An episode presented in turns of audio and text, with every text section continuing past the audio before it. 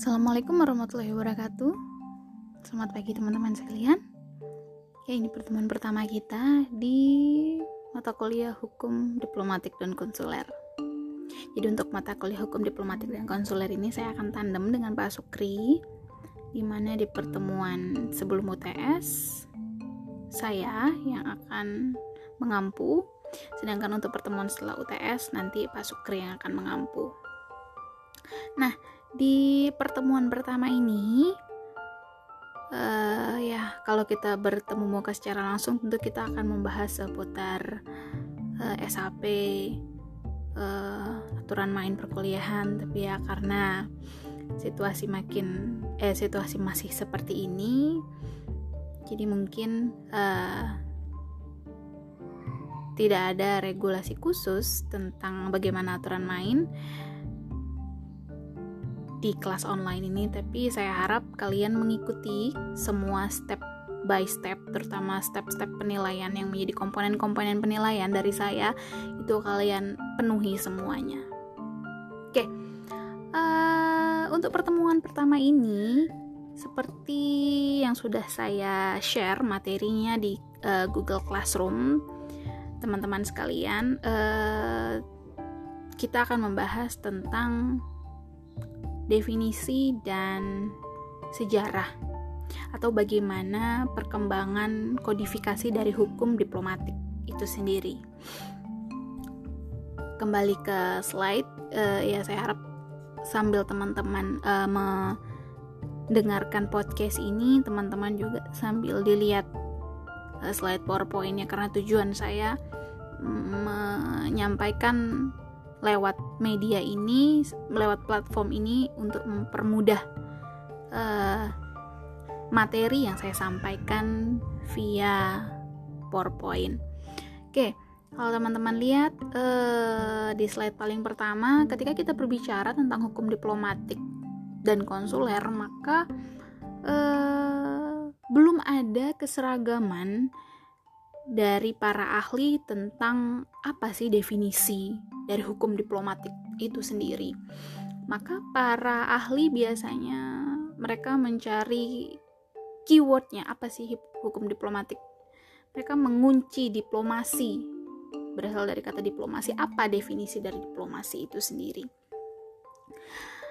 Ada berbagai uh, gaya dari para ahli untuk mencoba mendescribe apa itu diplomasi.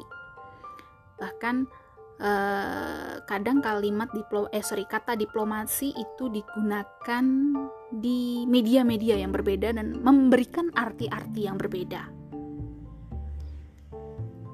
Misal, ada kalimat diplomasi Republik Indonesia di Afrika perlu ditingkatkan kata diplomasi di kalimat tersebut ini ada yang menyamakannya dengan cara atau media politik luar negerinya. Media politik uh, Republik Indonesia di Afrika.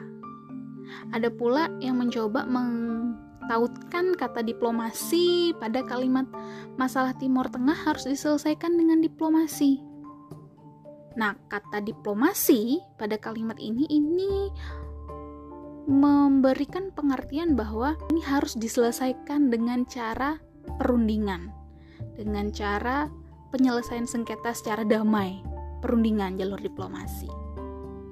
Atau kita coba contoh uh, kalimat yang ketiga, selama ini ia bekerja untuk diplomasi. Selama ini ia bekerja untuk diplomasi, maka bisa diartikan kalau dia bekerja untuk kepentingan-kepentingan luar negeri atau dinas-dinas yang berkaitan dengan luar negeri. Contoh kalimat yang keempat, ia pandai berdiplomasi. Ia pandai berdiplomasi. Maka bisa kita ambil uh, garis bahwa sebenarnya yang dimaksud berdiplomasi adalah kemampuan dia dalam bersilat lidah atau kata hikiasan dari bersilat lidah. Nah, ada uh, empat batasan di mana kalimat eh kata yang digunakan itu sama-sama diplomasi tapi memberikan definisi atau arti yang berbeda di masing-masing kalimat tersebut. Nah, yang eh, paling pas untuk mendescribe diplomasi dalam tatanan uh, metode uh, dalam tatanan pembelajaran terutama dalam mata kuliah hukum diplomatik. Kalau teman-teman lihat di slide selanjutnya, para ahli mencoba untuk mengunci apa itu diplomasi. Beliau menyebutkan bahwa diplomasi adalah pengadaan hubungan antara pemerintah dengan cara perdamaian. Hubungan antara pemerintah dengan cara perdamaian. Yang bisa dengan skill dalam membina hubungan antar negara atau skill dengan dealing with people so that business is done smoothly. Tahu cara orang untuk menyelesaikan bisnis mereka dengan cara perdamaian. Yang kedua, diplomasi adalah penggunaan kebijaksanaan dalam melaksanakan dan memelihara perhubungan-perhubungan resmi antar pemerintah dari negara-negara yang merdeka. Jadi bisa disebut juga diplomasi adalah penggunaan kebijaksanaan, penggunaan kemampuan dalam memelihara hubungan resmi antar negara yang merdeka. Atau ada juga yang menyebutkan diplomasi adalah cara komunikasi yang dilakukan antara berbagai pihak, termasuk negosiasi antara wakil-wakil yang sudah diakui oleh pihak yang berkepentingan. Jadi bisa dibilang eh, diplomasi ini kemampuan untuk membina, untuk menyelesaikan masalah dengan damai, dengan smoothly, dengan peaceful. Nah, dari definisi-definisi tentang diplomasi tersebut, Oxford Progressive Dictionary juga memberikan batasan sampai di mana sih batas dari definisi uh, diplomat diplomasi itu. Kata Oxford Progressive Dictionary, mereka menyebut bahwa Diplomasi adalah the management of internal relation by means of negotiation. Jadi pengelolaan hubungan internal dengan cara negosiasi. Bisa juga diartikan dengan daripada pengendalian serta pemeliharaan hubungan-hubungan internasional oleh oleh para duta besar dan wakil-wakilnya. Bisa juga business of art of the diplomatist, business of art pekerjaan ataupun pengetahuan serta kebijaksanaan seorang diplomat. Skill or address in conduct of international intercourse and negotiation. Keahlian atau kemampuan berbicara dalam memimpin hubungan dan perundingan.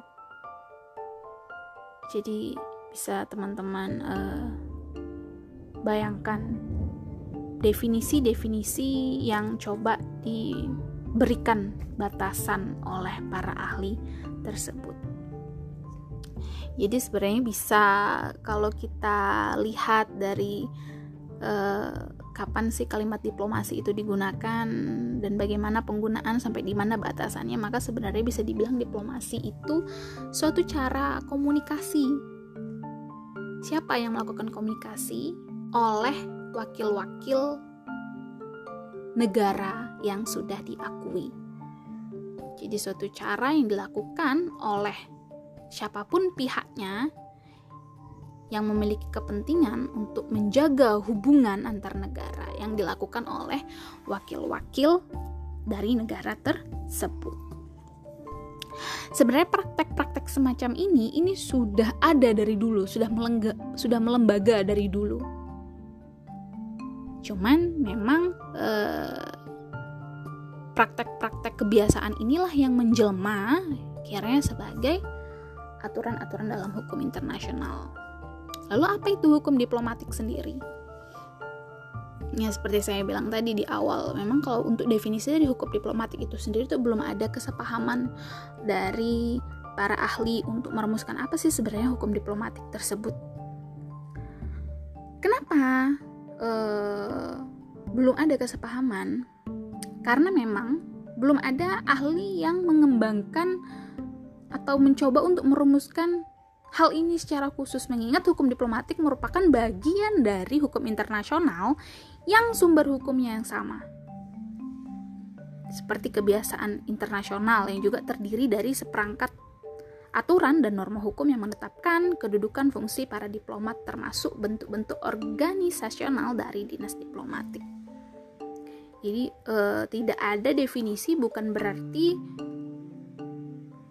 tidak ada uh, bukan berarti means nothing. Tapi memang karena dia merupakan bagian dari hukum internasional dan para ahli sudah bersinergi dan praktek-praktek hukum diplomatik itu pun sudah bersinergi dalam praktek hukum internasional. Oke, uh, kalau teman-teman ke slide selanjutnya, maka kita akan ngelihat uh, pengertian tradisional dari hukum diplomatik. Hukum diplomatik ditujukan digunakan untuk merujuk pada norma hukum internasional yang mengatur tentang kedudukan, fungsi, misi diplomatik yang dipertukarkan oleh negara yang telah membina hubungan diplomatik. Ini definisi uh, tradisional. Jadi memang pada dasarnya uh, mengatur tentang fungsi dan kedudukan dari misi diplomatik tersebut. Untuk saat ini apakah uh, rumusan tersebut masih eksis? Ternyata uh, tidak hanya mencakup hubungan diplomatik dan konsuler antar negara di era sekarang.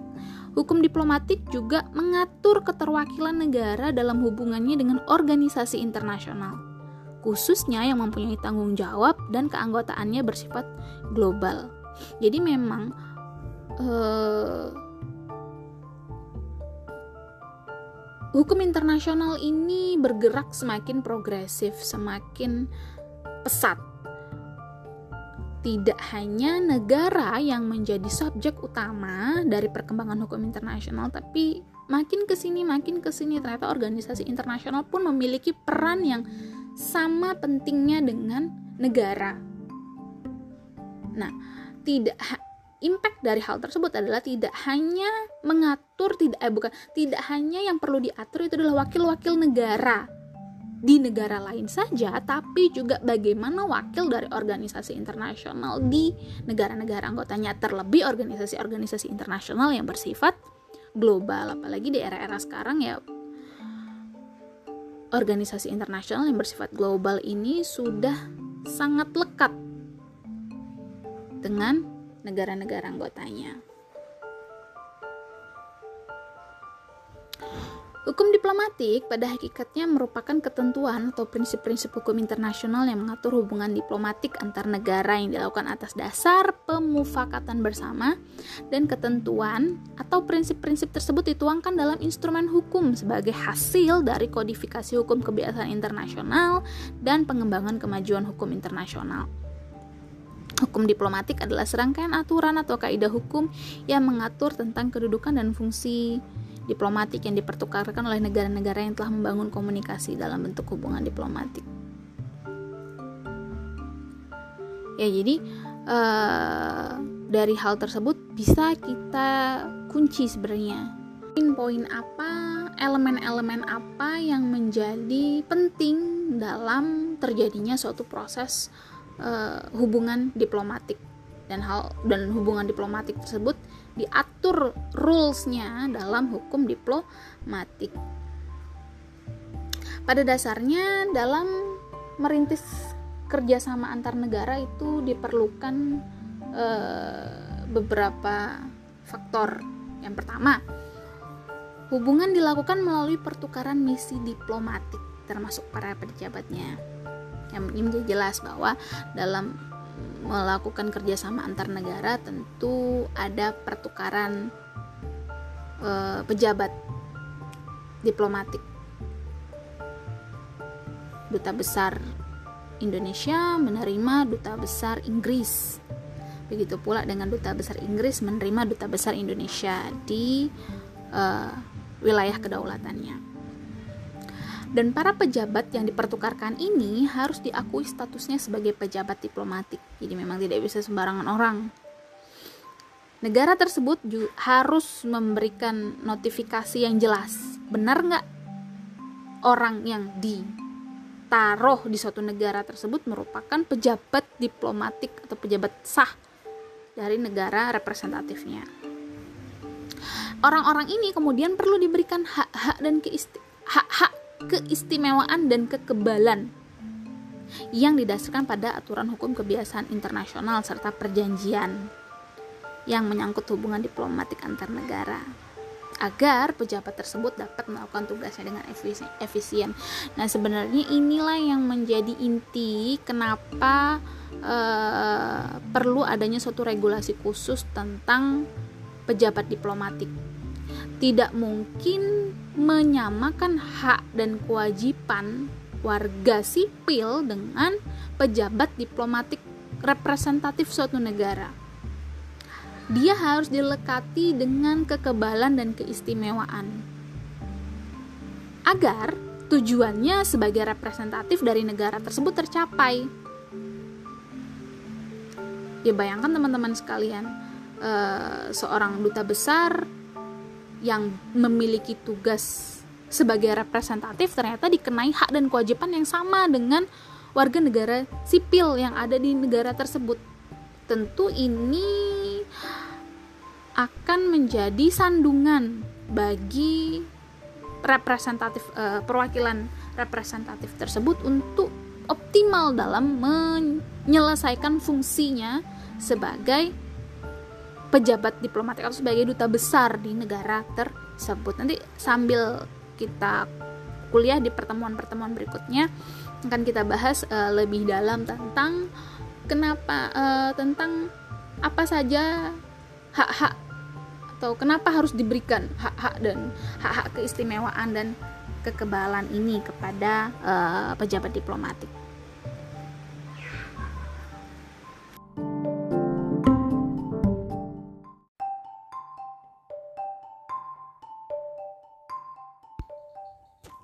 Oke, untuk materi selanjutnya kita akan membahas tentang bagaimana perkembangan kodifikasi dalam hukum diplomatik. Nah, Uh, ketika kita berbicara tentang bagaimana perkembangan uh, kodifikasi dalam hukum diplomatik sendiri, sebenarnya sejak abad 16 dan 17 istilah misi konselor dan diplomatik um, udah umum dikenal masyarakat. Bahkan ada beberapa negara Inggris sudah mulai mengadoptasinya menjadi hukum nasional. Yang di, yang tertuang dalam uh, Queen Anne tahun 1708 tentang kekebalan dan keistimewaan. Dan beberapa juga sudah ada yang dirumuskan dalam perjanjian internasional yang memang sifatnya hanya uh, dua negara dalam skup yang relatif lebih kecil, belum seglobal sekarang. Nah, namun ada upaya-upaya untuk menyeragamkan ketentuan perjanjian internasional tentang kekebalan dan keistimewaan e, diplomat ini dalam suatu aturan yang universal.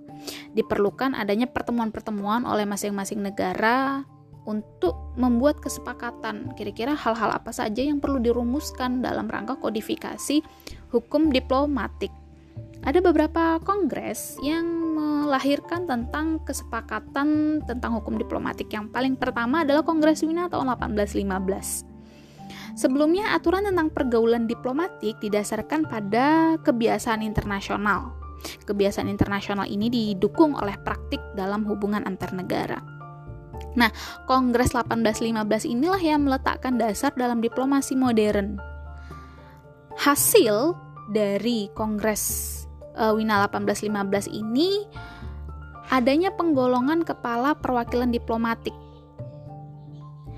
Jadi uh, ada beberapa penggolongan kepala diplomatik. Yang pertama mereka menggolongkannya menjadi tiga.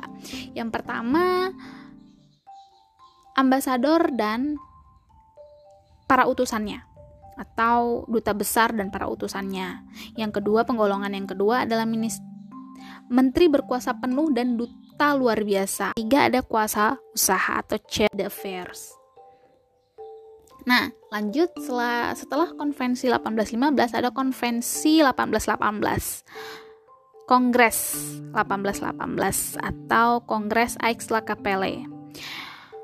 Di uh, kongres ini lahir penggolongan baru. Ada satu uh, sub yang juga dikategorisasikan sebagai utusan dari uh, negara representatif yang yang yang pertama ambasador dan legates atau duta besar dan wakilnya, minister uh, tingkat 2 sama seperti di konvensi Wina 1815 tadi minister plenipotentiary dan envoy extraordinary.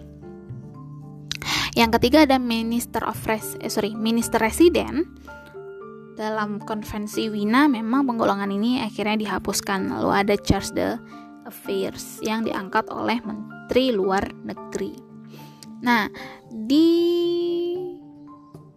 era lahirnya Liga Bangsa-Bangsa ini uh, upaya untuk menyeragamkan atau mengkodifikasikan bukan menyeragamkan ya mengkodifikasikan uh, hukum diplomatik semakin gencar dibahas. LBB dibentuk, dibentuk pula suatu komisi ahli yang bertugas memang untuk mencari kira-kira sub-sub mana yang akan dikodifikasi dalam hukum internasional. Salah satunya hukum diplomatik. Nah, sembari eh, komisi ahli ini bekerja di 1812 Konvensi Havana pun melahirkan perjanjian yang disetujui dan diratifikasi oleh 14 negara. Dua konvensi penting itu adalah yang pertama Convention on Diplomatic Officer dan Convention on Consular Agent. Jadi eh, konvensi Havana ini dianggap sudah berhasil dalam mengadakan usaha-usaha pendahuluan yang sangat penting dalam rangka pengkodifikasian hukum diplomatik. Nah, bagaimana ketika PBB akhirnya lahir? Eh, komisi ahli yang dibentuk oleh LBB bisa dibilang tidak berjalan dengan maksimal. Ya, karena pecahnya Perang Dunia I, Perang Dunia Kedua, akhirnya PBB dibentuk. Dua tahun setelah PBB dibentuk, dibentuk pula sebenarnya ini kepanjangan tangan dari komite ahli tersebut. Dibentuklah Komisi Hukum Internasional. Nah, selam, bertugas selama 1949 hingga 1979, komisi ini telah menangani lebih dari kurang lebih 27 topik dan subtopik dari hukum internasional. Dan tujuh di antaranya adalah masalah-masalah hukum diplomatik. Masalah-masalah yang coba untuk dikodifikasikan oleh Komisi Hukum Internasional yaitu pergaulan dan kekebalan diplomatik, pergaulan dan kekebalan konsuler, misi khusus, hubungan antar negara bagian dan organisasi internasional, masalah perlindungan dan tidak diganggu gugatnya pejabat diplomatik dan orang lain yang memperoleh perlindungan khusus menurut hukum internasional, status kurir diplomatik dan kantong diplomatik yang diikut sertakan pada kurir diplomatik dan hubungan antar negara dengan organisasi internasional tujuh bagian ini memang menjadi konsen hal-hal yang perlu diatur rumusannya oleh uh, masyarakat internasional yang harus dirumuskan sama-sama kira-kira dengan tujuh subtopik ini apa yang perlu disepakati bersama-sama. Nah, dari tujuh masalah tersebut akhirnya di perkembangan selama perkembangan uh, hukum diplomatik lahirlah lima aturan yang sekarang menjadi rujukan dalam melakukan hubungan diplomatik. Sampai akhir semester ini teman-teman pasti akan akrab dengan konvensi-konvensi ini. Konvensi Wina 1961 tentang hubungan diplomatik konvensi Wina 1963 tentang hubungan konsuler Konvensi New York 1969 tentang misi khusus, Konvensi New York 1973 tentang pencegahan dan penghukuman kejahatan terhadap orang-orang yang menurut hukum internasional termasuk para diplomat dan Konvensi Wina 1975 tentang keterwakilan negara dalam hubungannya dengan organisasi internasional yang bersifat universal. Jadi uh, seiring dengan berjalannya waktu memang akhirnya eh, upaya-upaya dalam pengkodifikasian hukum diplomat berjalan dengan baik dari uh, tujuh konsen yang diatur oleh uh, Komisi Hukum Internasional. Hal-hal inilah yang akhirnya tertuang dalam lima aturan yang tadi saya sebutkan. Oke, memang uh, pada dasarnya pengkodifikasi uh, dibilang sukses tujuan utama komit tujuan utama uh, lahirnya Komisi Internasional Komisi Hukum Internasional ini adalah untuk mengkodifikasi dan huk, hu, di hukum diplomatik hal tersebut mampu menghadirkan lima aturan hmm, yang menjadi dasar hubungan diplomatik bagi masing-masing negara dan inilah yang menjadi kitab referensi Eh, negara-negara dalam melakukan hubungan internasional. Oke, mungkin itu materi tentang definisi hukum inter eh sorry hukum diplomatik dan konsuler pada pertemuan pertama definisi dan perkembangan kodifikasi hukum internasional. Uh, kalau teman-teman ada yang galau, mari kita diskusi sama-sama. Silahkan drop pertanyaan teman-teman di grup Google Classroom kita. Nah, saya juga punya oleh-oleh buat yang sudah mendengarkan uh, podcast hari ini. Silahkan teman-teman tulis uh, komentar teman-teman untuk apa sih sebenarnya hukum diplomatik tersebut perlu dikodifikasikan. Tuliskan jawabannya di kolom student work di Google Classroom. Ada yang galau, mari kita diskusikan. Kita ketemu lagi minggu depan pada materi atau hal-hal yang menjadi sumber hukum dari hubungan diplomatik di era masa kini. Baik sumber hukum internasional dan hukum nasionalnya. Oke, terima kasih atas atensi teman-teman sekalian. Kita ketemu minggu depan. Semoga teman-teman tetap sehat. Assalamualaikum warahmatullahi wabarakatuh.